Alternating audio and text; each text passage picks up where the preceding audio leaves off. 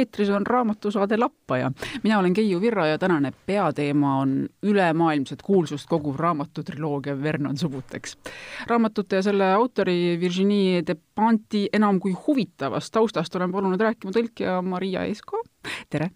Tere! Eesti keeles on äh, nimelt just äh, Maria tõlgitud äh, kaks seni ilmunud osa. ja saate teisest poolest ka natukene, seal ootab ees meid muusikute biograafiate edetabel ning rubriigis Loe ennast õnnelikuks räägib loo Krister Paris. ent nüüd siis vaikselt asja juurde, sest teema on tegelikult oluliselt intrigeeriv, kui näiteks raamatute pealkirjast võiks tunduda. sest pealkiri lihtsalt ei anna eriti mitte midagi ära, Vernon Subuteks, see on nimi, täpsemalt endise plaadipoodniku nimi, see on tegelane, kelle ümber tiirlevad raamatutes siis kõikvõimalikud Pariisi inimesed, on kõrgklassi, on narkomaane, on kodutu, kodutuid, on natse, igasuguseid tegelasi on. kahtlustada võib, et reaalses elus on sarnaste inimestega ilmselt kokku puutunud ka triloogia autor. Ehm, Virginie Desplanti nimi seostub eestlastele ilmselt aga hoopis filmiga Bes Moi, ma kujutan ette, mis on vägagi eksplitsiitselt vägivalda ja seksi näitav film, mis omakorda põhineb samanimelisel vist isegi raamatul, jah, mille autoriks on samuti Virginie Desplant, nii et äh, Maria, lõpuks jõuan sinuni äkki alustamegi sellest, et kes on äh, Virginie Despont, tal on väga huvitav äh, taust, et võib-olla siis pisut temast kõigepealt. just, äh, Virginie Desponti taust on täpselt nii kirju ja keeruline, et kui ta ei oleks kirjanikuks hakanud, siis oleks maailm palju-palju vaesem koht ta on sündinud väga noortele vanematele, kes ja kes olid sellised võitlevad, võitlevad Prantsuse sotsialistid käi- ja väike Virginikene käis, käis oma vanematega kogu aeg meeleavaldustel kaasas ja temas kasvas noorest peast kohe selline võitlev ja protestiv vaim kõige vastu, mis on peale pressitud ja mis kuidagi kasutab ära aga mis teda eristab võib-olla lihtsalt äh, mässavatest või lahmivatest kirjanikest, et tema soov on alati olnud midagi siis paremaks muuta, et ta mitte lihtsalt ei röögi, et asjad on halvasti, vaid ta tahab ka siis midagi ette võtta ja panustada sellesse viimse veretilgani nii palju, kui ta oskab. ja kui ta oli teismeline, siis tal äh, lõid välja väga-väga levinud, aga samas äh, tollel ajal kindlasti vähe käsitletud äh, noh, nagu vaimse, psühholoogilised probleemid, et aga õnneks ta jõudis jõudis kohe teraapiasse niimoodi, et ta oli, veetis mingi aja isegi kinnises, kinnises asutuses, et ta sai, sai tõesti ravi noh, meeletute paanika ja hüsteeriahoogude ja, ja igasuguste asjade Äh, pärast, mis äh, noh, tegelikult kimbutavad paljusid inimesi, aga, aga, aga me lihtsalt ei tea sellest. Ja ja siis äh, ja siis ta sukeldus päris kiiresti sellisesse pungi ja postpungi maailma, mis oli siis loomulikult täis seksi, narkootikume, alkoholi ja kahjuks ka vägivalda, Virginiga on äh, juhtunud äh, nii mõndagi koledat, kõige traumeerivam kogemus on see, kui ta vägistati, kui ta pöidlaküüdiga Londonisse püüdis pääseda. ja see on äh,, hiljem on ta tunnistanud, kakskümmend aastat hiljem on ta tunnistanud, et see on olnud äh, tema jaoks otsustav sündmus, et on defineerinud teda kui inimest ja kirjanikku, aga vahepealse aja, kui ta ka äh, käis, käis teraapias ja, ja oli pidevalt ühenduses oma nii-öelda hingehaldjatega, siis ta üritas seda eitada selles mõttes, et ta ei tahtnud sellele vägistajale jõudu anda, ta ei tahtnud öelda, et see on nüüd tema elu muutnud, see sündmus, ta ütles, et ei, et noh, et see juhtus, aga see ei ole nüüd mind nii väga mõjutanud. aga ühel hetkel jõudis see lihtsalt äh, suure, suure võlaga kohale talle ja äh, ja see on, äh, kui me räägime sellest Bez Moist, mis on tõesti jõudnud äh, linastusena ka Eesti vaatajani PÖFFi äh, raames kunagi aastaid tagasi, siis see on selline nagu selgelt veriselt vihane kättemaksu romaanil põhinev film, seal ongi seal ongi väga palju vägivalda, seal on kaks naisterahvast, kes on kohutavast ebaõiglusest tingituna Äh, teinud, sooritanud ise vägivaldseid kuritegusid ja siis nad lähevad äh, ülemaailmsele või võib-olla üleriiklikule kättemaksurallile, mis on siis kõik väga verine ja enamik näitlejatest on, äh, on pornonäitlejad selles filmis, nii et seal on need seksikaadrid, mis seal on, need ei ole mängukaadrid ja, ja see oli veel periood ka, Virginie oli kakskümmend seitse, kui ta selle romaani kirjutas ja see oli veel periood, kus ta siis nii-öelda eitas seda traumat, mis tal oli. aga, aga temas nagu kobrutas meeletu ebaõiglusviha. ja nüüd, kui ta jõudis selle Vernon Subuteksini, see triloogia, mida mina, mille tõlkimisega mina praegu hoogsalt töötan, et kolmas osa välja tuleks, eh, siis selleks hetkeks ta oli kuidagi päästnud endast selle viha nii palju välja, et tema, et see, et see asendus või et see muundus mingisuguseks sooviks aru saada, miks nii juhtus ja et et kas keegi on selles süüdi või meil on, meil on, meil on, meil on midagi sellist juhtunud meie sees, mida, millega saab tegeleda. ja selles mõttes äh, kõik see Bezmoa viha on on ähm, kandunud selliseks maailmapilti tajuvaks arusaamise Mm, sooviks tema kui kirjaniku puhul, et ta sai,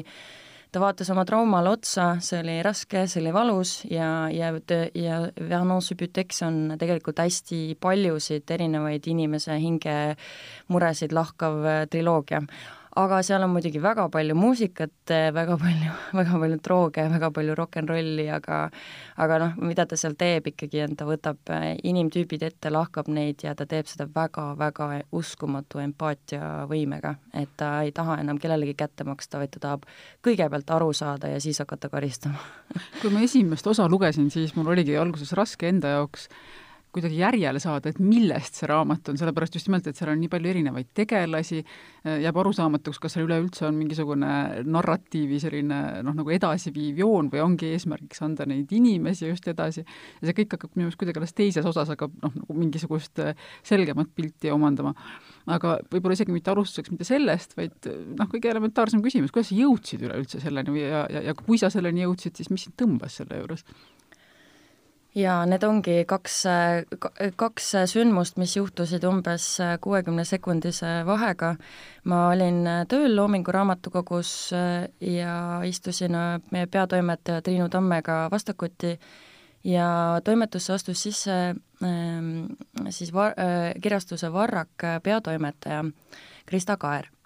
ja tal oli lihtsalt Triinuga kokku, kokkusaamine kokku lepitud, aga, aga kuidagi ta ulatas mulle laua peale selle Vernon Subutexi esimese osa äh, ja ütles, et nii, et, et noh, nagu ta, ta ütles seda justkui ma peaksin juba teadma, milles asi on. et, et nii, Maria, et vaata, kas see meeldib sulle, et siin oleks nüüd loomingulist ropendamist vaja. ma olin täiesti segaduses, sest ma ei teadnud, milles asi on ja siis, siis ma sain pihta, et mulle pakutakse seda tõlkimiseks. Ja ma algaja tõlkijana muidugi ei oleks niikuinii tahtnud ega söandanud ei öelda, aga siis ma ikkagi igaks juhuks tegin selle raamatu lahti täiesti suvalise koha pealt. Ja seal oli selline lause, mis, mis oli nii mahlakas ja veider, et see lihtsalt käivitas kohe fantaasia, ma hakkasin kohe naerma ja ütlesin, et jah, jah, ma väga tahan seda teha riskantne otsus, sest ikkagi triloogia, äh, see tähendab kolme aastat mu elust, äh, kolme aastat õhtupoolikuid, nädalavahetusi, ja see, kui see oleks osutunud kirjanikuks, kes mulle tegelikult ei meeldi, siis noh, ei oleks, ei oleks tore olnud, aga, aga selgus hoopis, et see on ka minu maailmapilti täiesti uskumatult positiivses suunas muutnud ega sa ei mäleta, mis, mis, lause see oli? mäletan väga täpselt, ma ütlen selle eestikeelse variandi umbes, kuidas see jäi. Äh, Vernon tunneb naisi hästi, ta on nende peal palju kätt harjutanud. miks äh, see suht, suhteliselt banaalselt kõlab, kui ma niimoodi kontekstiväliselt sulle seda ütlen, aga äh, autor, naine, nii äh,, kirjutanud romaani triloogia, võtan lahti suvalise koha pealt ja ta ütleb äh, justkui väga klišeeliku lause mis mõjub nagu hästi kuidagi vastikult mačolikult, eks ju, aga kui ma mõtlen, et naisautor pani selle lause kirja ja see on ka naljakas, siis mul hakkaski tekkima tunne, et see võiks olla naine, kelle, kelle mõttemaailmast ma tahan rohkem teada saada. et, et ma nägin kohe ära, et ta on pannud ennast nagu täiesti teise inimese pähe ja keresse ja tahtnud sellega nalja ka teha mis on vist ühtlasi põhjus, miks äh, nimesse süvenemata nii mõnigi kord arvatakse, et tegemist on mehega, kes on kirjutanud selle raamatu. just, jaa. vaatasin, mul on siin ka paar asja endale välja kirjutatud, et noh, näiteks äh, üks hetk, kus äh, kaks meest siis arutavad arutavad ja kirjeldus on umbes, umbes täpselt selline, nad jõudsid samale järeldusele, teoorias on nad sugude võrdsusega päri, lihtsalt paraku tuleb tunnistada, et naised nagu väga ei kibele endale eneseväärikust hankima. Jaa, see oligi peategelane Vernon ja Patrice, kellega siis võeti kõvasti rummi ja jõuti maailma mm,, maailma mutvate järeldusteni ühel õhtupoolikul aga natukene siis võib-olla inimestele, kes ei ole veel kokku puutunud nende raamatutega, et kes see, kes see Vernon siiski on? et noh, jah, see sai öeldud, et endine plaadipoodnik, õigupoolest ta täitsa raamatu alguses on just äsja oma poest ilma jäänud ja seal poes ongi ta siis ilmselt tutvunud enamiku oma nende tut-, tuttavatega, kellega ta edaspidi hakkab siis kohtuma, aga kui nüüd pisut teha sellist, ma ei tea, kuidas siis öelda, sissejuhatust, väike diiser jaa, hea meelega. Äh, Vernon Subutex, see nimi, eks ju, nagu kõik, ma ei mäleta, kes see ütles, et see mõjub nagu robot, mingi roboti nimetus. tegelikult Subutex on, on heroiini asendusravim ähm, ja ja see Vernon Subutex on talle endale võetud nimi, see on siis teda, tema nii-öelda plaadipoodniku nimi ja sellele, et see ei ole ta päris nimi, on raamat, on triloogias minu teada ainult üks vihje Äh, ja seda päris nime me minu meelest ei saagi teada. ma ei ole veel, kui ma olen kolmandat osa lugenud äh, küll, aga ma lõpu jätsin selliseks äh, lahtiseks, et kui nüüd viimastel lehekülgedel see nimi välja öeldakse, siis öeldakse, aga muidu mitte. ja ta oli tõesti selline äh,, tal oli Pariisis väga lahe plaadipood, neid on seal palju, käisin neid hiljuti ka vaatamas mõningaid ja, ja ka mis te, tegi Vernon Subutexi plaadipoe eriliseks, selle poe nimi oli Revolver muideks sellel mehel, Vernonil, oli niisugune intuitsioon, et, et kui külaline rääkis temaga paar minutit juttu, siis Vernonil tuli kohe, ta esiteks nagu pühendus oma vestluskaaslasele täielikult, selles mõttes, et miski muu ei olnud tema jaoks oluline, väga hea kuulaja ja ta, tal kohe tuli mõte, milline võiks olla see muusika, mis sellele inimesele võiks meeldida tal oli kogu tohutu plaadikogu äh, peas, mis tal seal selja taga riiulites oli, haaras äh, sipsti riiulist selle plaadi, mida ta tahtis soovitada inimesele. Ja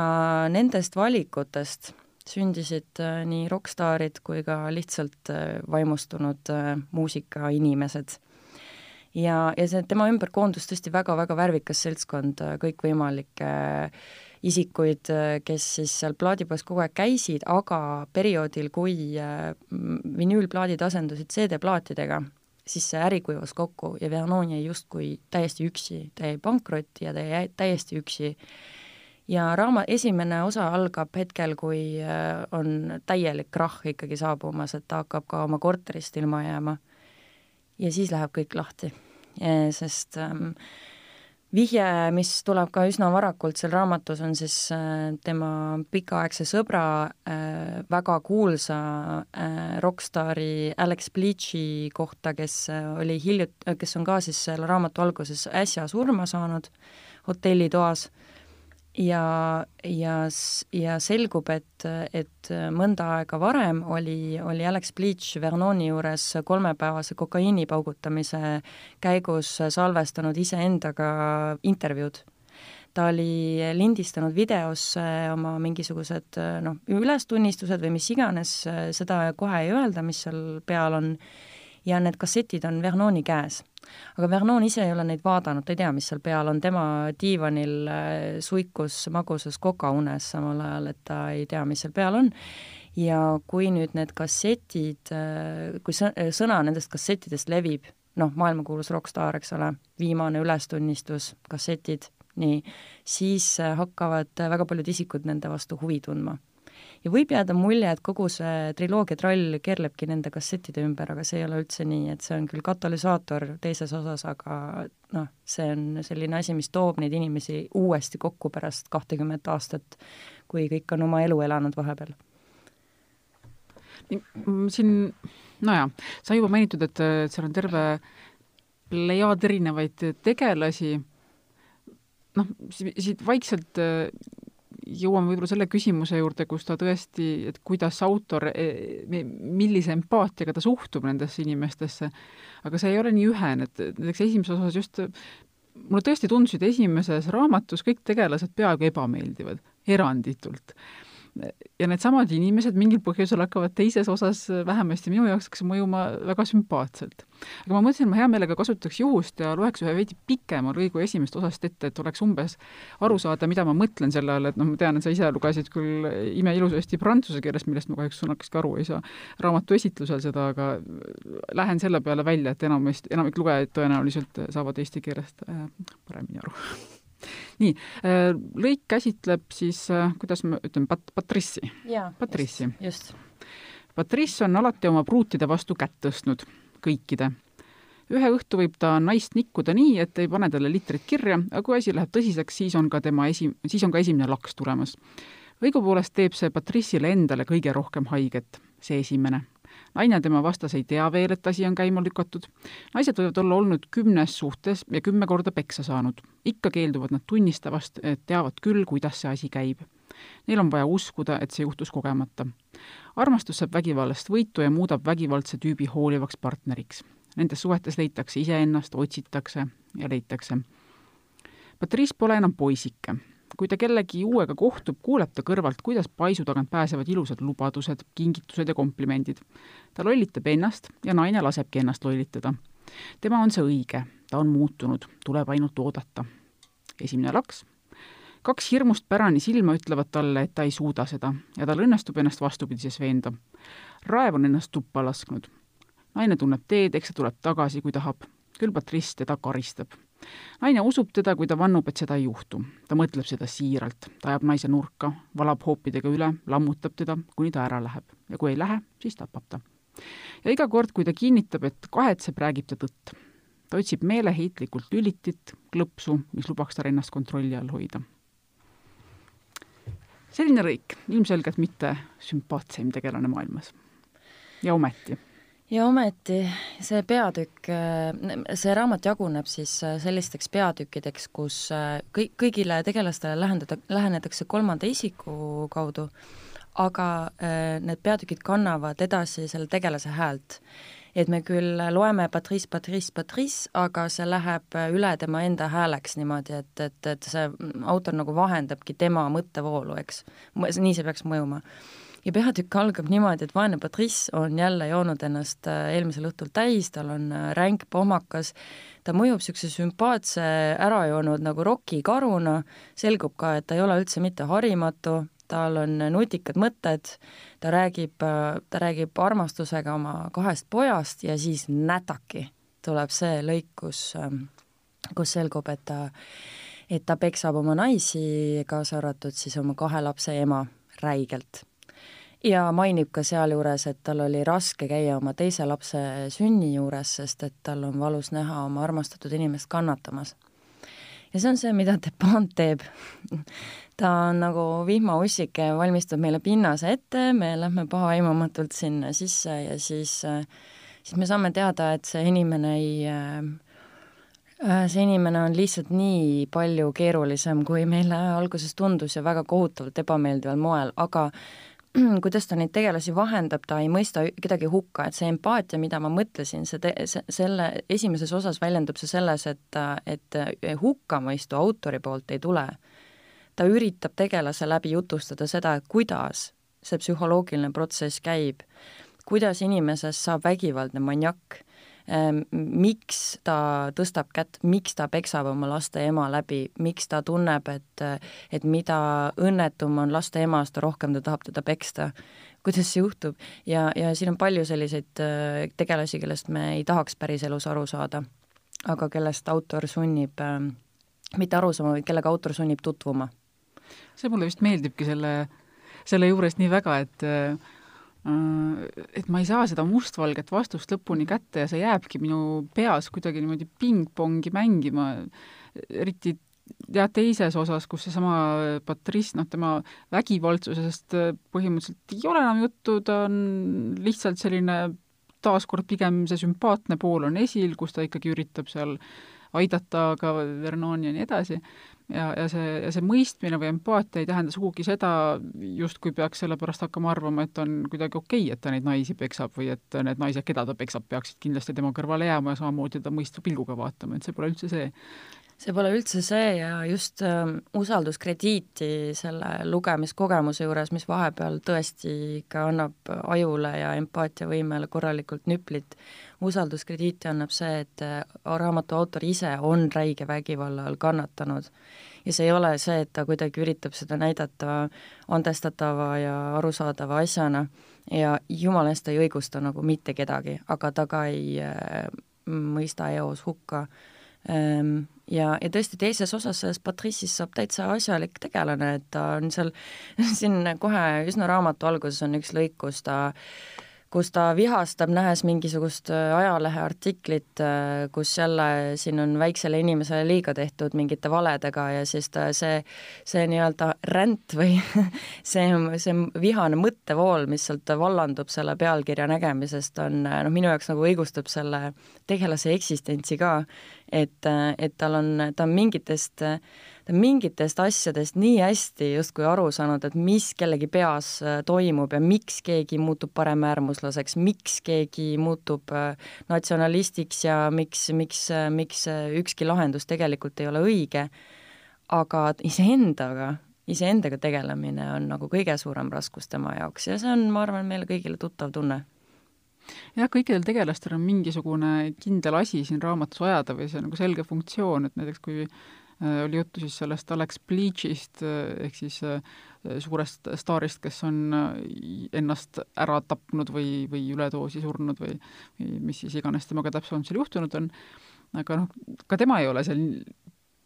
lihtsalt mingisuguse käivitajana, et, et, et et tegemist on siis mustanahalise lauljaga, kes omakorda näitab, et, et ka näiteks kas või juba ainuüksi rassismi küsimus ei ole niisama lihtne. et küsimus ei ole ainult see, et et mustanahalised justkui mõtlevad sellest küsimusest õigesti ja teised valesti, et, et ka see on väga palju mitmetasandilisem. tema kui priviligeeritud tegelane eh, võib-olla ei suudagi mõista neid inimesi, kellel ei ole neid privileege, privileege. Ja jällegi noh, Tetar on ilmselgelt oma asi ajada seal, eks ju, ja nii, nii enam-vähem kõikide tegelastega. noh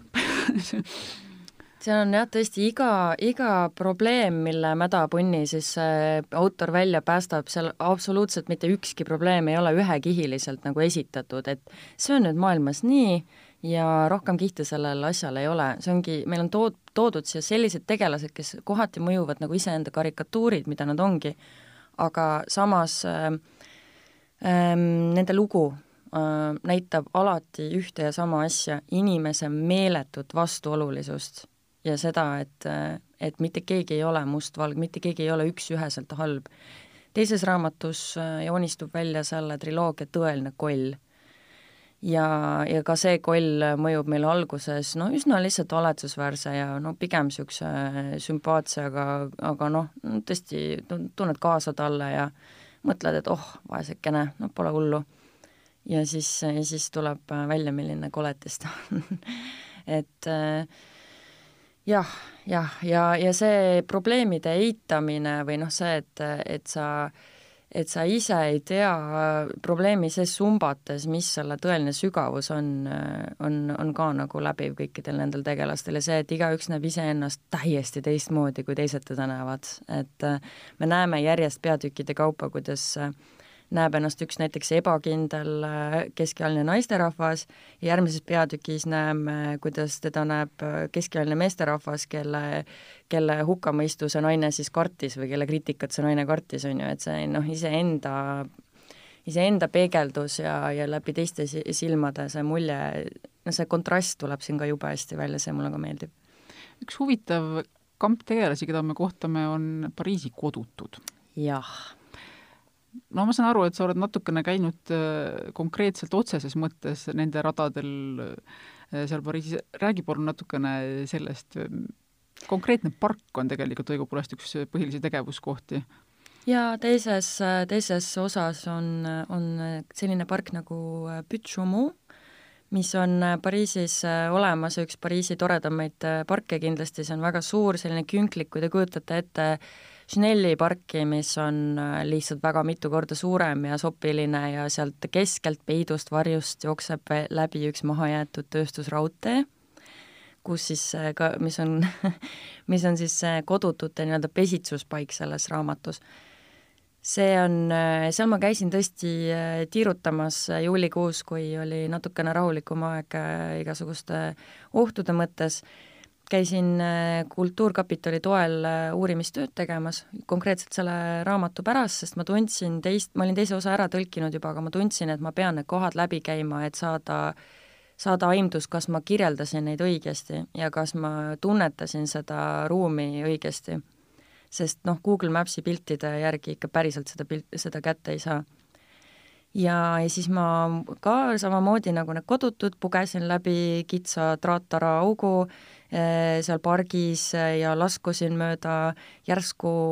nõlvakut sinna alla raudteele, kus siis eh, raamatus kodutud pesitsevad, istusin seal natuke, jälgisin, vaatasin ringi ja nägin ka värskeid jälgi siis nendest kodututest, kes seal parajasti ööbivad, aga noh, päevasel ajal, ajal ei ole seal muidugi kedagi ega midagi, sest sest sinna ikka tungib linnarahvas ka sisse jalutama ja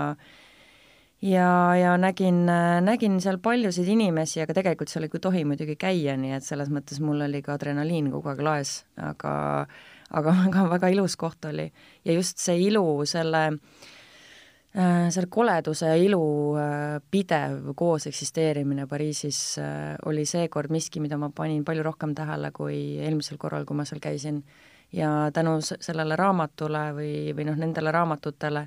ma tundsin ennast seal järsku nagu kodus, mm, mis on Pariisis suhteliselt raske saavutada, sest see on väga-väga-väga mitme reaalsustasandiga keeruline linn, pöörane, sa oled kogu aeg ees kellelgi, kuskil on kogu aeg kiire, kõik on kuidagi vihased. aga, aga mulle tundus pärast seda triloogia lugemist, et, et see on kõik minu oma, see hullus on kõik minu oma ja, ja see oli hea tunne nii et soovitan, soovitan kõigil minna, kellele see triloogia hingelähedane on, minge ka äh, matkama Pariisi, kui äh, selleks jälle võimalust on. pisut teistmoodi kirjanduslikud matkad, jah? no jah, see kodutute kirjeldamine on, on jällegi äh, äärmiselt huvitav, sellepärast et ma arvan, et, et see on see on maailm, kuhu ei ole kindlasti ka lihtne sisse elada, kui ei ole mingisugust kokkupuudet sellega ja, ja noh, kust neid kokkupuuteid ikka saada. just, aga noh, lõppkokkuvõtteks e-, esiteks niisugune asi nagu kodutu, on ju, me võtame seda nagu mingit ühiskonnagruppi, aga tegelikult kodutud on kõik äh,, igaüks isevärgi indiviidid, kodutu saab olla Pariisis äh, kümmet erinevat moodi vähem, no kümneid erinevaid äh, viise on, on mehi, kes, kes otsustavad, et nad on meelega kodutud, sellepärast et eh, nad on süsteemist välja murdnud, nad on uhked selle üle, et nad ei ole kellegi orjad, selline tegelane on ka seal raamatus olemas, siis on meil kohutavalt räsitud ilmselt eh, mingite sõltuvuste ja vägivalla all kannatanud eh, naisterahvas, kes on ilmselgelt saanud, saanud närvivapustuse ja kes siis peategelasega põgusalt suhtleb teises osas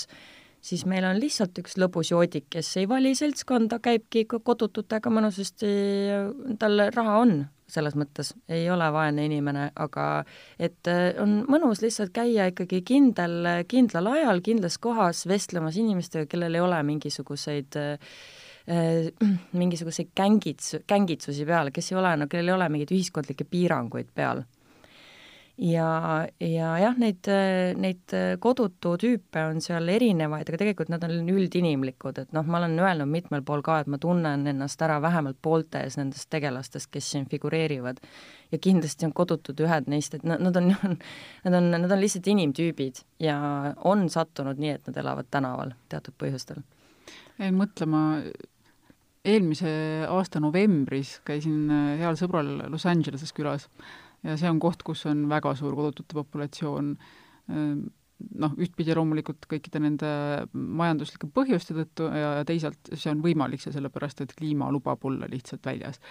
Ehm, ja lihtsalt selle sinu jutu peale praegu jäin just mõtlema, et, et kui erinevad, noh, et, et, et kui jätta välja ka see, et igal inimesel on oma isiklik lugu, aga kui lihtsalt juba kas või võtta neid erinevaid kohti, kus need inimesed on, et noh, jäin kohe mõtlema, et tegelikult tahaks asja arutada nendega, sellepärast et seal on ka need erinevad piirkonnad, on näiteks Venice Beach, mis on noh, põhimõtteliselt üks tuntumaid randasid Los Angelese noh, jah rand, kus on telgid reas ja need inimesed näevad seal eelkõige välja nagu sellised toredad hipid, muusika käib muudkui, noh, jällegi kindlasti väga erinevate taustadega inimesi, aga, aga see jätab mulje justkui noh, pigem mulje vabast valikust.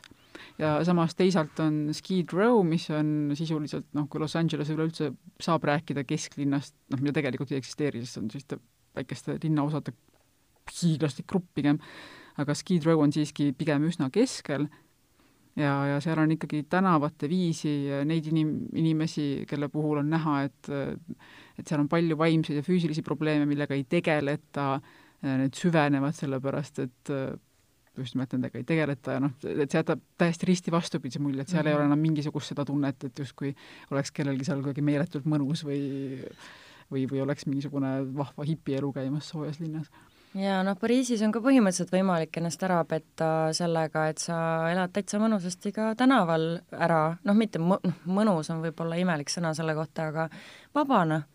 aga kui ma natukene just nende kodutute mentaliteedi mõistmiseks sain kokku inimesega, kes tegeleb Tallinnas kodututega igapäevaselt, ja küsisin lihtsalt, et kuidas tema kogemus on, äh, siis noh, tema järeldus oli ühene, muidugi suures osas kliima pärast, äh, kui anda Tallinna kodutule võimalus olla mitte kodutu, siis ta valiks selle variandi. aga, aga erinevatel põhjustel see Äh, see lihtsalt ei ole mõeldav, et noh, piir, need piirangud, mis, mis on äh, pandud inimesele, kellel, kellel ei ole öömaja, et noh, et kui tuled, tuled öömajja, sa ei tohi purjus olla ja nii edasi, on ju, noh, meile tundub see iseenesestmõistetav, et sa ei lähe täis peaga öömajja, kus on veel teised inimesed, on ju, aga nende jaoks on see lihtsalt järjekordne viis, kuidas neile öeldakse, jaa, me aitame sind, aga ainult siis, kui sa, ainult siis, kui sa, ainult siis, kui sa. ja siis, ja see tekitabki selle trotsi, et hästi, ma siis külmun surnuks kusagil prügikasti vahel, aga ma lihtsalt ei lähe sinna, kus mulle jälle öeldakse, et ma olen äh, põhimõtteliselt vale ja halb. et äh, aga jah, et, et ma tõesti jah, vestlesin hästi põhjalikult ühe ühe inimesega, kes küll põhiliselt puutub kokku narkosõltlastega, kes on tänavale sattunud ja, ja noh, tõesti, need on kaks täiesti erinevat maailma, Tallinna kodutud ja Pariisi kodutud. ja noh, kindlasti ka Los Angelese kodutud, nagu sa ütlesid, et selle linna sees on väga palju erinevaid maailmu. aga mis neist kodututest ja kõikidest teistest võiks saada kolmandas osas, mida veel ei ole eesti keeles, aga mille kallal sa töötad, nagu ma aru saan. jaa, mind ootab ees põhjalik tõlkenädalavahetus, ma ootan seda väga, see on, see on mõnus tunne, kui see on tulemas. ja e, need tegelased ja kolmas osa algab tegelikult sellise emotsiooniga, mille pealt e, autor on öelnud, et ta selle triloogiaga kirjutas. kui ta tegi ühel päeval Pariisis silmad lahti ja sai aru, et midagi on väga pekki läinud see maailm, kus kõik täiesti sõgedad teemantid said rahulikult eksisteerida kuidagiviisi koos, ei elanud samas maailmas, aga siiski samas linnas. Nad, see, see justkui ei toimi enam, kõik on vihased, kõiki, kuidagi kõik tunnevad, et nad on rünna, rünnatud, et neil on vaja kaitsta ennast ja kõik on nagu valmis ennast küünte ja hammastega kaitsma, kui keegi natukenegi pihta läheb.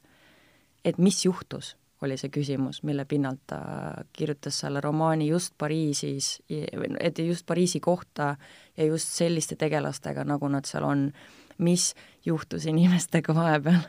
Ja kas see sündis üleöö, kuidas see sündis. ja kolmas osa jõuab siis ajastu mõttes äh, omadega ka aastatesse kaks tuhat neliteist, kaks tuhat viisteist ja meil on seal vägagi tuttavad sündmused äh, Pariisi terrorirünnakud on äh, seal nende tegelaste mälestuste ja tunnete läbi ka ära jutustatud. ja mm, ütleme niimoodi, et kui teine osa lõppes minu jaoks sellise tundega, et, et on kergendus saabunud, ma lihtsalt, mul oli kergendunud ohe, kui ma lugesin viimast rida või kui ma panin selle viimase rea kirja, siis äh, kolmas osa tõmbab pinge hästi kiiresti jälle üles, aga mitte selleks, mitte selleks, et kõik ära rikkuda, mitte selleks, et kõik ära rikkuda, loomulikult happy ending ut ei saa ka olla, sest et see raamat kirjutab ennast ju täna edasi ja homme edasi ja ülehomme edasi. et lihtsalt äh, ta mõtestab seda kõike jälle lahti ja mulle meeldis see, et siin on sündmused, mida ma mäletan ennast äh, jälgivat et, et võib-olla on veel lihtsam selle ühiskonna menta-, noh, mentaliteetide muutusele kaasa elada seda natuke enda jaoks lahti mõtestada ja iseenda võib-olla probleeme lahti mõtestada. et siin on vägagi tuttavad sündmused, see jõudis ju meieni väga teravalt, see kogu see infovoog Pariisi terrorirünnakute kohta, see psühholoogia, see kõik jõudis meieni suure vooga. heideti ette seda, et miks selle varjus on jäänud tähelepanuta mõned teised kohutavad õnnetused ja katastroofid, noh, ka täiesti õigustatud, aga näiteks noh, mina tundsin seda raamatut lugedes ja neid terrorirünnaku paiku läbi kõndides juulis et selle väiksema, mis ei ole, see ei olnud väike sündmus, see kohutav sündmus, aga selle konkreetse sündmuse läbi ma saan võib-olla millestki suuremast aru, millestki üldisemast aru. Ja nagu üksikult üldisele liikudes see, see, see, jah, see, ma, ma ei saa, ma ei saa öelda, et selle kolmanda osa lahendusega kindlasti kõik nõus oleksid, aga ma tegin sellega oma, oma rahu aga nii, nii palju vähemasti saad sa mind julgustada, et ma täiesti ära ängistatud ei saa, kui ma seda ühel hetkel lugema hakkan? no ma peksin ikka seina ja nutsin vahepeal, aga see ei jää nii no jaa, see äkki Nonii, see, no selle osaga saab nüüd saatest niimoodi vaikselt-vaikselt hakata kokku tõmbama, küll aga jätkame äh, no ütleme haakuval teemal, sellepärast et kuna muusika on tegelikult ikkagi kõige selle kõrval, millest me rääkisime, seda raamatu äh, triloogiat läbiv teema, siis äh, vastavalt äh, olen ka kokku pannud seekordse edetabeli, mis on loomulikult taaskord väga subjektiivne ja loomulikult äh, ootan väga kõiki pärast kaasa mõtlema ja võib-olla siis ka kirjutama meile aadressil raamatud.delfi.ee, loodan, et ütlesin õige aadressi praegu et jah, millised võiksid olla teie lemmikraamatud ja mis valdkonnast muusikute biograafiad. Nii et peale väikest heliampsu selle edetabeli juurde, aga enne seda, kui ma selle, selle vahva kõlli siin käima lükkan, Maria, ma tean, et sa enne vihjasid, et sa tegelikult väga hea meelega, olles ise ikkagi väga suur muusikasõber, pigem, pigem ei taha lugeda muusikute biograafiaid. See on tõsi ja ega mul nagu noh, mul on päris mitu põhjust, mida ma kasutan selle, kui mul küsitakse selle kohta, aga aga ega mul päris head arusaadavat põhjust ei ole, ma lihtsalt, mul on tõrge selle vastu, sest äh, mul on lihtsalt juhtunud niimoodi, et ma olen äh, muusiku biograafiat lugedes äh, saanud teada, et mulle ei tohiks see inimene, see artist ikka üldse meeldida. aga aga meeldib ja kohutavalt meeldib. ja, ja tõesti noh, minu, ma olen viimased aastad väga-väga palju kuulanud Florence and the Machine'i, mul on olnud vahepeal niisugune tunne, et see, et Florence Welch, Florence Welch elab mu peas ja laulab seda, mis seal toimub ja siis no ikka kaks aastat läks mööda, ma arvan, kui ma trükkisin selle bändi Google'isse ja vaatasin, mis seal Vikipeedia lehel kirjas on, sest ma lihtsalt ei tahtnud teada, muusika on minu jaoks nii otseselt niisugune kuidagi hingekanali teema, et see kõik, mis on faktiline ja ratsionaalne seal taga, mind lihtsalt ei huvita nii väga. aga Florence and the Machine'iga läks hästi, kõik on väga vahva, kindlasti loeksin seda biograafiat suure rõõmuga aga jah, lihtsalt äh, ma, ja mul on, mul on ka niisugune tunne, et kui muusik hakkab kirjutama seda, mis ta on või kes ta on, hästi ilus ja tore, aga siis nende ridade vahelt ma ei kuule seda muusikat, mis mind tegelikult tema juurde tõmbas, eks ju, ma loen neid sõnu, ma võin muusikat taustaks kuulata, aga et kui seda lugu ei jutustata muusika abil, siis ma ei tea, midagi jääb puudu. aga, aga jällegi vaatan hea meelega mingeid muusika dokfilme näiteks nii, nojah, ma, ma nüüd lasen kohe selle kõlli ja siis äh, räägin siia äh, otsa selle, kuidas tegelikult mind on ikkagi muusika juurde aidanud ka mõned biograafiad just nagu vastupidises järjekorras. nii, ja kõll tuleb nüüd.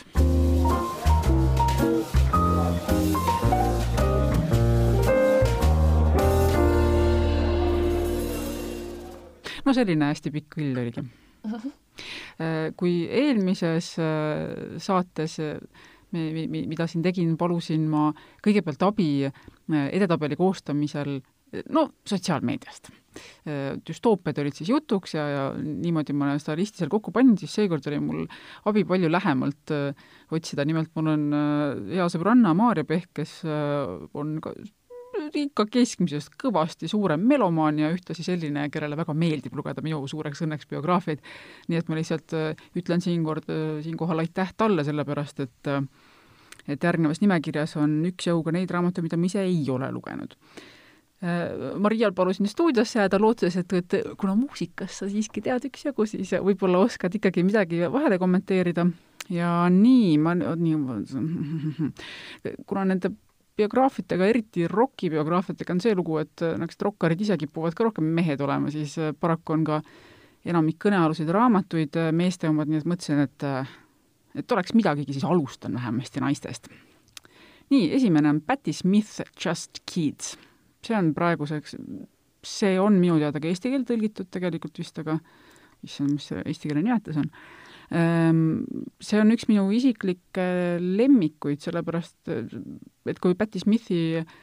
muusikat, ma enne loomulikult ma teadsin tema tuntumaid lugusid, aga aga ma ei olnud võib-olla nii andunud tema kuulaja, siis peale seda raamatut ja seda oma jutustaja häält ma hakkasin kuulama. seal raamatus ta siis ei räägi mitte niivõrd iseenesest, kuivõrd äh, oma suhtest Robert Mapplethorpe'iga, kes on siis üks väga tuntud äh, fotograaf, suri küll üsna noorelt. Ja, ja nende suhte lõppfaasis äh, hakkas rohkem eelistama mehi ja niimoodi sinna ta vaikselt ka äh, seksuaalse orientatsiooni poolest liikus, aga sõpradeks jäid nad ikkagi Roberti elu lõpuni, nii et selline hästi soojas toonis raamat on see? Ja see Patti Smith on minu jaoks ka täpselt selline isik, et ma hea meelega ähm, hea meelega kuulaks ja loeks ja teeks, noh, tal, tal on, temas on ühendunud nii palju andeid lihtsalt, et tema raamatud on ka nagu muusika, et Just Kidsi ma ei ole põhjalikult lugenud jällegi, noh, ma ei tea, see, see ei ole, sellel ei ole enam üldse ratsionaalset põhjust, see on lihtsalt mingisugune tõrge, aga näiteks meil Loomingu Raamatukogus on nüüd saladuskatet kergitades, ütlen, et meil ilmub äh, tema raamat Devotion, mitte nüüd kohe-kohe, aga varsti-varsti ja mõne aja pärast. Äh, Devotion, mis on, mis ta siis räägib, kus ta räägib just sellest, et miks ta kirjutab ja kus üldse see, mis on looming ja mis on looming tema sees ja ta mainib Eestit ka mitu korda. Nii et me oleme väga elevil selle pärast ja Patti Smith on lihtsalt nii sümpaatne isik, ta on täiesti, ta tundub olevat isetu, et kui paljud need biograafiad on kuidagi nii egomaniakaalses võtmes kirja pandud, et vaadake, kui ägedalt me lammutasime ikka, noh siis äh, Patti on minu meelest lihtsalt üks, üks suur, hea, soe, inspireeriv hing ja see Florence and the Machine, keda ma mainisin, neil on lugu Patricia, mis on pühendatud Patti Smithile. Ja selle esimesed read on Oh Patricia, you have always been my north star. Ma olen sellega väga nõus, pluss see on, ma enne ei mõelnudki selle niimoodi, aga kui seda isetuse aspekti välja tõid, siis mina olen Patti Smithi kuulnud ühe korra ja see ei olnud mitte Eestis, vaid oli Londonis, kus Patti Smith oli soojendajaks Nick Cave'ile. Wow, okay. ja, ja seal ta rääkis oma lugude vahele ka sellised asjad ära, et mõtlesin, et nüüd kohe on tarvis hakata minna barrikaadidele, asuda koos temaga mm -hmm. maailma parandama nii, järgmine. Äh, Pamela Des Barres, Barres, Barres, I m with the band. see on äh, raamat äh, grupist. Need on grupi lood elust enesest ja, ja ja iseenesest juba ainuüksi see vaatepunkt on minu meelest hästi huvitav, sellepärast et Me Too ajastul on grupid mingis mõttes väga huvitavaks nähtuseks, keda on päris huvitav mõtestada, sellepärast et see, mida noh, grupid tegid oma valikuid ju vabatahtlikult, nad tahtsid olla bändidega, nad tahtsid seal pidudel olla ja nende bändide liikmete kaisus ka, aga samas äh, hoolimata sellest, et nad rokimütoloogias on olnud muusade rollis, ei ole kohe kindlasti nendega alati hästi käitutud, pigem vastupidi, nii et selline väga-väga vastuoluline teema. Jaa, aga nagu igasugune rock n rolli elu läheb täiesti lappama, nii et selle osaleja, osa, osalejad ei saa ise ka aru lõpuks, mis juhtus, siis siis nende gruppidega on ka äh, selline lugu, et, et hästi nad imetlevad seda bändi ja tegelikult mõni on nagu erialane grupi, ta inspireerib neid muusikaid, tõesti muusa, selline rock n rolli muusa, neid on väga palju olemas, kes siiamaani ütlevad tänutundega, et ma olen nii uhke selle üle, mis on olnud, eks ju. The Bar, ma ei tea, kas tema tunded on, on sarnased, aga noh, ta on ikka väga nimekate inimeste kaisus siis äh, inspireeriv olnud äh,, Zappa ja, ja Jagger ja kes seal meil kõik olid äh, ja Jimmy Page ma, ma ei, ma ei tea täpselt, mis tema kogemus on, ma ei ole jõudnud seda raama-, ma ei ole jõudnud seda raamatut lugeda, aga see on tõesti valgustav, neid grupilugusid on hakanud järjest välja tulema, mida Led Zeppelin oma gruppidega tegi, see oli suhteliselt äh, tülgastav, eks ju. ja siis jällegi minu küsimus oleks, et kuidas sinna jõuti. et noh, ma loen, see on rõve, aga ma tahaks teada, kuidas see läheb nii inimesele, et ta läheb aina sügavamale mingisugusesse arusaamatusse laamendamisse niimoodi, et lõpuks saavad kõik haiget ja teha tehakse iseendale vabatahtlikult haiget. et Virginie Dupin ka sellest kirjutama. nii. Mötley Crue, Crue, Mötley Crue, Dirt mm, üks hullemate lugudega raamatuid äh, praktiliselt kõige kurikuulsama LA rokkbändi kõige hullematest aegadest. selle põhjal on Netflixis ka samanimeline film minu teada Äh, ja eristab seda enamikest biograafiatest see, et kõigi nelja liikme hääled on raamatu lehekülgedel olemas ja siis kohati nad vaidlevad üksteisele ka vastu, sest äh, kes see ikka läbi alko- ja narkouima asju ühesuguselt mäletab mu kaine peaga ka ei mäleta asju ühesuguselt ja ma arvan, ja see on tõesti niisugune raamat, kus on, Dirt on nii hea pealkiri sellele minu arust, sest seal ongi lihtsalt äh, välja laotud kõige hullemad lood, kõige koledamad pildid sellest, mis võib avaneda, kui on mingi kahenädalase peoralli järel siseneda nende prussakatest kubisevasse ähm, stuudiokorterisse, siis kui nad veel liiga rikkad ei olnud ja nii edasi, on ju. ja mis sa siis seal kõike võid näha et äh, tema, see on lihtsalt selles mõttes pull raamatu, kui keegi tahab saada täieliku laksu kätte, et mis see nagu eriti higine ja rõve rock n rolli nagu süvamöllufaas on, kus äh, tundub äge, aga see tegelikult on lihtsalt hallitunud makaronide hunnik siis see on see raamat minu arust, ma olen katkendit lugesin täna ja väga haaras kaasa, mulle meeldib kogu see värk, nagu ma olen noh, ma olen väga rock n rolli hingega inimene, aga, aga lihtsalt see on see, see on see koht, kus tõesti saada üledoos kogu sellest äh, räpast ja alkoholist mhm. no seda tuleb nüüd äh, kohe ka järgmistes raamatutes, mis jutuks. Äh, Duff McKagan, It's so easy and other lies ähm, ehk siis peamiselt Guns N Rosesi bassimehena tuntud Duffy lugu. üks neist klassikalistest lugudest, kus muusik leiab tee alkoholi ja narkootikumideni ja kuidas siis kogu see allakäigurada käib ja ühesõnaga üsna sarnast mudelit võiks äh, tegelikult kasutada väga paljude selle äh, nimekirja raamatute puhul. et seda noh, võib-olla seda raamatut eristab siis see paljudest, et Duff on ikkagi ta vist enam-vähem on selle ise kirjutanud, et, et ju ta on mingisugune abimees seal sellise jõulise toimetaja näol on olnud, aga tegelikult ta ise kirjutab ikkagi ka minu teada vist ikkagi ajakirjades ka mingeid kolumne, et, et ikkagi on seda juba aastaid teinud. Ja noh, loomulikult on ta ka nüüdseks puhas ja ikkagi jutlustab seda tervislikku eluviisi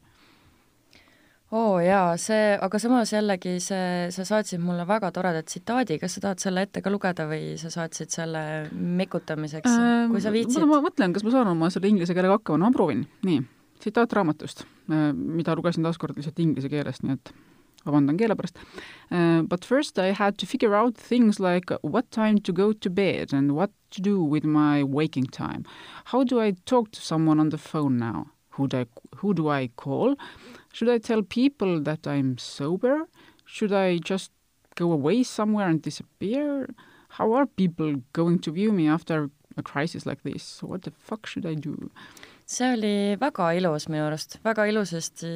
tõesti lihtlausetega kirja pandud, ma, ma ei kahtle hetkekski, et ta selle on ise, ise kirjutanud, aga see on natukene juba läheb sügavamaks minu jaoks, et et me ei räägi enam nagu sellest, kuidas kõik on äh, rõve ja viskine, vaid et äh, mis siis nagu inimesega juhtub, kui ta seisab silmitsi selle identiteedi murdepunktiga. et tal on valida, kas ta sureb või hakkab kaineks, kaks varianti ongi ja nende valikute ees on muidugi enamik rokkstaare seisnud.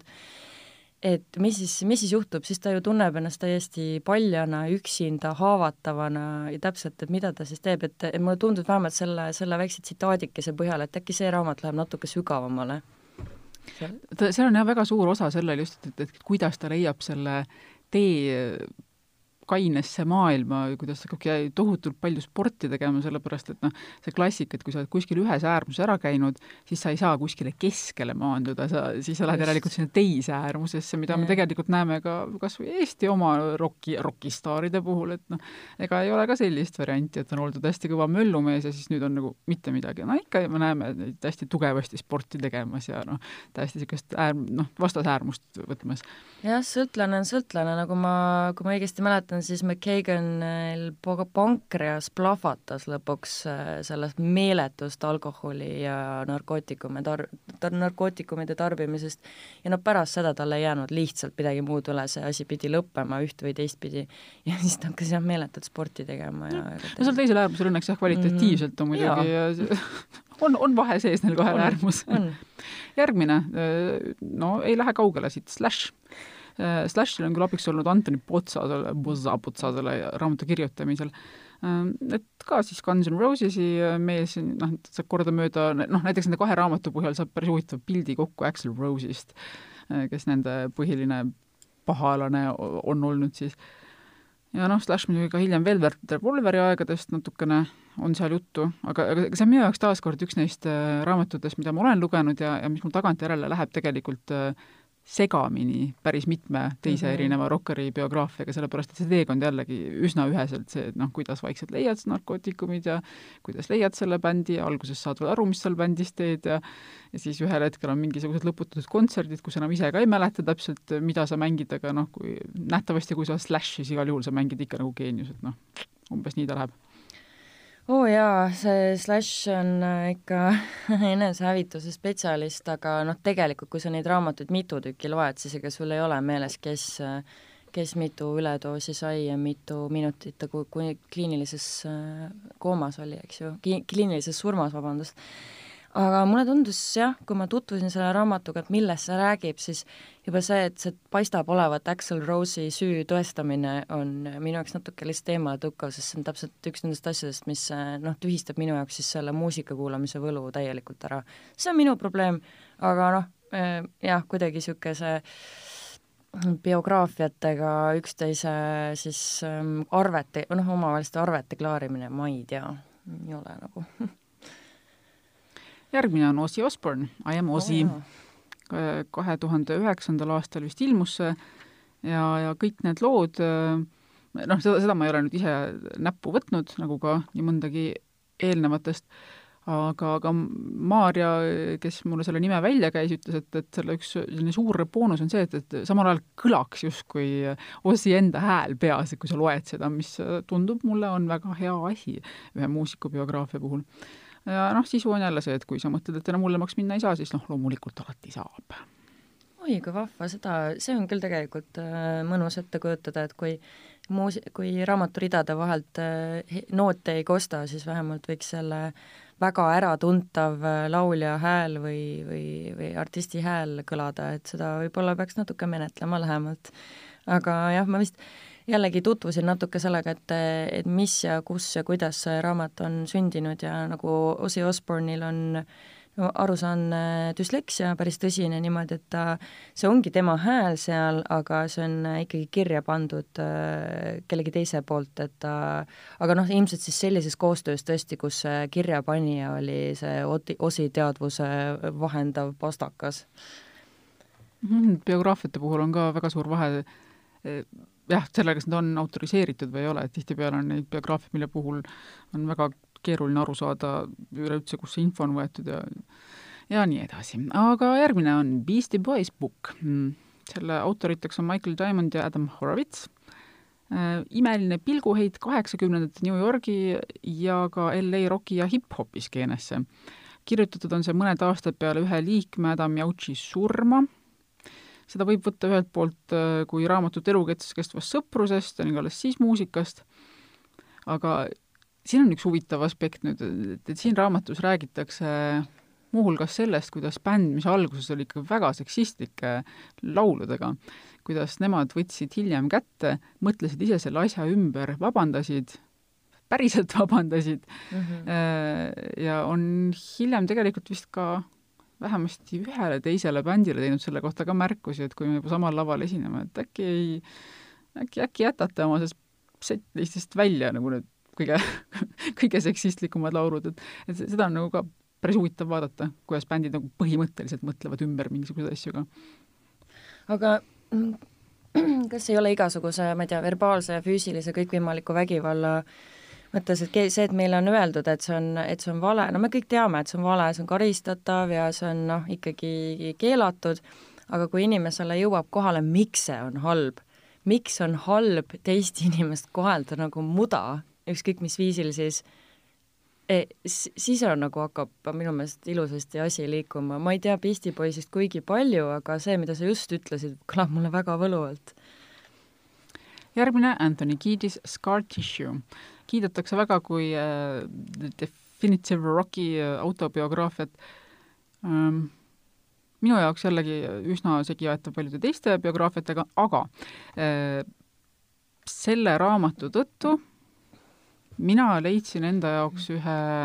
Red Hot Chili Peppersi laulu äh, nimega Porcelain, mida ma ei olnud kunagi varem kuulnud ja mis on väga erinev neist kõige tuntumatest lugudest, mida, mis võib-olla hakkavad kohe selle bändiga seoses käima. Porcelain on nimelt selline hästi ilus ja lüüriline lugu, mis tegelikult räägib ühest noorest äh, naisest, noh, paraku ka vist heroiinisõltlasest, tema lugu, aga selline tõesti hästi imeilus ja lüüriline. nii et ainuüksi selle loo leidmise tõttu olen mina sellele raamatule väga tänulik ja ma mäletan, kui selle raamatuga tuli minu juurde mu väga-väga-väga kallis sõber, kes kes tegeleb muusikaga palju, aga ta ei, tal, tal ei ole lugemisharjumust ja ilmselt ka on koolist lugemistraumad ja mis iganes, tuli selle raamatuga minu juurde, Maria, see on lihtsalt nii äge, see on nii võimas äh, lahti rebimine, et äh,, et palun loe seda. kas ma lugesin seda? minimaalselt, aga, aga ta rääkis mulle sellest nii võluvalt, et ma tahtsingi selle jätta nii, nagu ta rääkis et ta on tõesti, see Kidis on kirjutanud ka jällegi see psühholoogia vist jube hästi lahti, see sõltuvuse psühholoogia, see see heroiinist läbi murdmine, selle nagu kõige, kõige, kõige jõhkramas punktis olemine. Kiidis oli vist see, kes oli kliinilises surmas, ma ei tea, mul läheb ka natukene need jällegi tund-, tundub, et seal võib olla olnud neid mitmeid. jaa, ja, ja, ja võib-olla ei ole ka vahet, aga tõesti see scar tissue on vist hästi kirjutatud ja hästi siiralt ja natuke mitte ennast kangelaseks teha püüdvalt, mis on ka väga võluv, kangelasi ei pea olema alati. Nicky Six Heroin Diaries. Ehk siis üks ausaim heroiinisõltlase raamat, mille puhul võib loota, et ehk on päästnud mõne tulevase sõltlase elu, sellepärast et jällegi ei ole ise lugenud, aga väidetavalt on ikkagi kirjeldanud äh, nii täpselt äh, ja, ja sugugi mitte romantiseerivalt. jaa, see, see on, see on tore, kui sellel rock n rolli ja sõltuvuse lool äh, on peale väl-, tekib peale väljavalamise tahtmisega nagu lihtsalt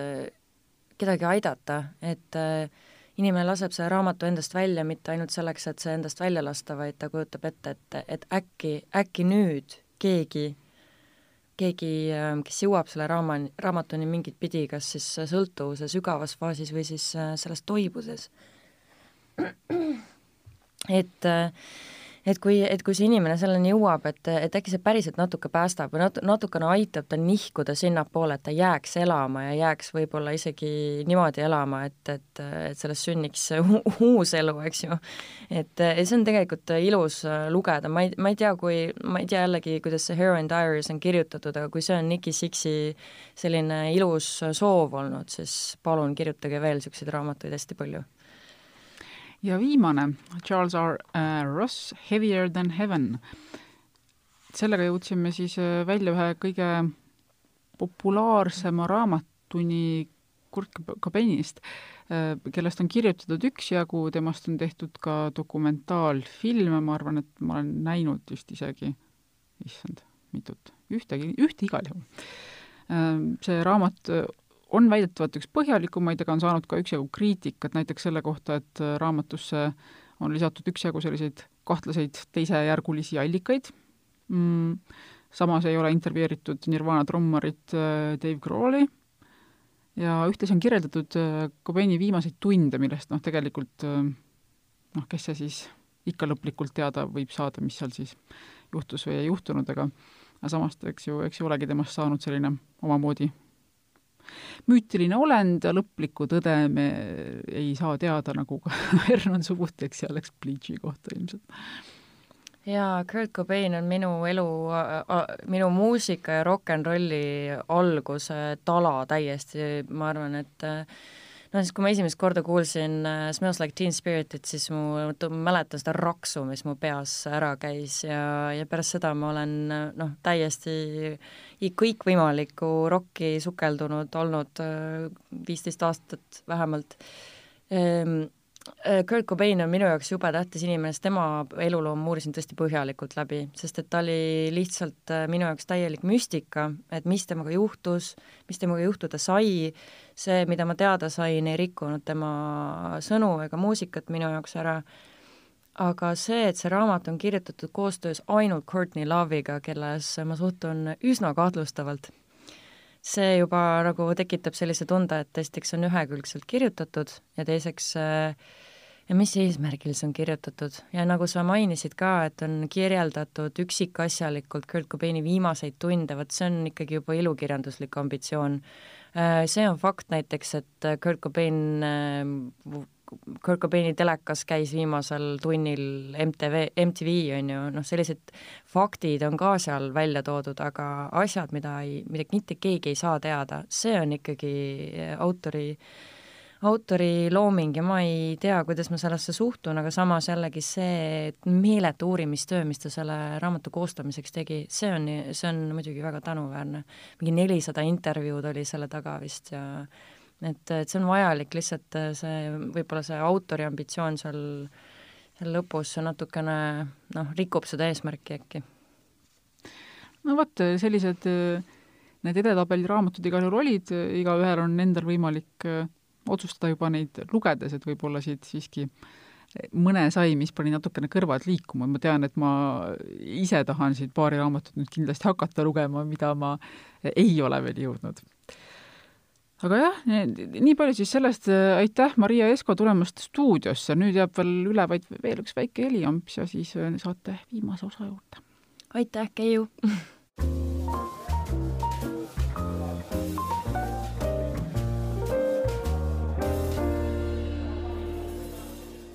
Ja nüüd on aeg rubriigiks Loe ennast õnnelikuks, olen külla palunud hea kolleegi Krister Parise ja loodan, et ta räägib mulle ühe loo raamatutest, mis on teinud teda rõõmsaks. tere, Krister! tere! ma arvan, et see, mida, millest ma räägin, on selline nii-öelda natukene ähm, kahepalgeline, kus rõõm võib olla ka teise rõõmutus. ehk vaata, kui Ratasel, Jüri Ratasel on väidetavalt äh, öökapil põhiseadus ja piibel, ma ei tea, kas on, aga sellised äh, väited kõlavad, siis minul on päris üsna otseses mõttes on mul äh, Vahva sõdur Šveik ja teine raamat on siis Orwelli tuhat üheksasada kaheksakümmend neli, mida mõlemad siis vastavalt tujule sobib sirvida. kusjuures mõlemad, vähemalt arvutis on mul ka originaalkeeles, et, et see annab ikka midagi juurde, et näiteks kas või Šveigi tõlge on suurepärane, aga ka näiteks Orwelli oma on ka suurepärane, kuid kui ma just hiljuti avasin ta inglise keeles, siis ma sain täiesti uue kat-, kat-, katarsise, ta avas mulle täiesti ennast uuest küljest ja ma jäin seda pikemaks ajaks taas lugema. ja, ja kumbki nendest raamatutest on just nagu noh, selline vastuhakk noh, totalitaarsusele. ja samas on huvitav vaadata, kui erinevad on, on mastaabid, et no kui näiteks Šveigis on selline lause umbes, et paragrahv kägistas, paragrahv tegi sul lolliks, paragrahv lämmatas sul umbes midagi sellist, siis äh, mõelda, et kui, kui kaugel oli see ikkagi Austria-Ungari aasta tuhat üheksasada viisteist nendest totalitaarsetest süsteemidest, mis tekkisid pärast. no seal on mingisugune näiteks salapolitseinik, on mingi Brett Schneider, kes äh, on selline, tuleb kõrtsi täiesti avatud tekstiga, üritab inimesi lõksu püüda ja lõpuks süüakse omaenda koerte poolt ära, et, et noh, tuleviku tuleviku Bert Schneiderid äh, sõid ära teisi, mitte ei lastud ära süüa ennast või vähemalt lasid ennast ära süüa siis oma kolleegidel, kui midagi sellist juhtus. nii et ütleme, kui, kui mõelda, et miks see mul öökapi kõrval on, siis noh, Šveik olen ma ka läbi aegade võtnud natukene nagu, nagu piiblit, et seal on igale praktiliselt elusündmusele on mingisugune vaste. et vaata, et huvitav, kuidas siis äh, Šveik selle lahendaks, what would Jesus do? et ja siis leiad sellise vahvad ähm, Äh, viisid, kuidas kui ümberringi on raske ja võõras võim rõhub ja mingi täieliku lollusega vastamisi, et kui, kuidas selle reageerida. ma usun, et minust natuke veel vanemad, kes käisid Nõukogude armees, said sealt eriti palju käitumisjuhiseid ja tuhat üheksasada kaheksakümmend neli on see, mille puhul aeg-ajalt tundub, et see on käitumisjuhiseks, mis on täpselt, ei ole mõeldud, ta on mõeldud hoiatusromaanina, mitte õpikuna, et kuidas käituda, aga teinekord paraku jääb mulje, et et nii mõnedki valitsejad, mitte ainult meil, mitte ainult meil, vaid kõik maailmas katsuvad sellest just nimelt šnitti võtta. kui mõtleme siis, kuidas need raamatud aitavad inimesi, siis noh, näiteks kas või ka seesama Šveik.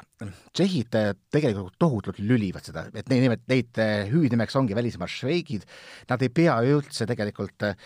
Hašeki kirjanikuks, ütleme, see pole mingi kirjandus, see on selline nagu roh rohkem nagu, nagu lorijutt, aga jällegi, kui sa vaatad, kuidas tšehhid käituvad, siis just taoline enese ülalpidamine aitab neil äh, saada hakkama ajaloo rasketel keerdkäikudel. no näiteks, kui oli Saksa okupatsioon viimane siis tšehhid olid niivõrd muster äh, okupeeritud, et sakslased äh, said aru, et pole vaja rakendada mitte mingisuguseid repressioone, pigem võib-olla anna neile üks purk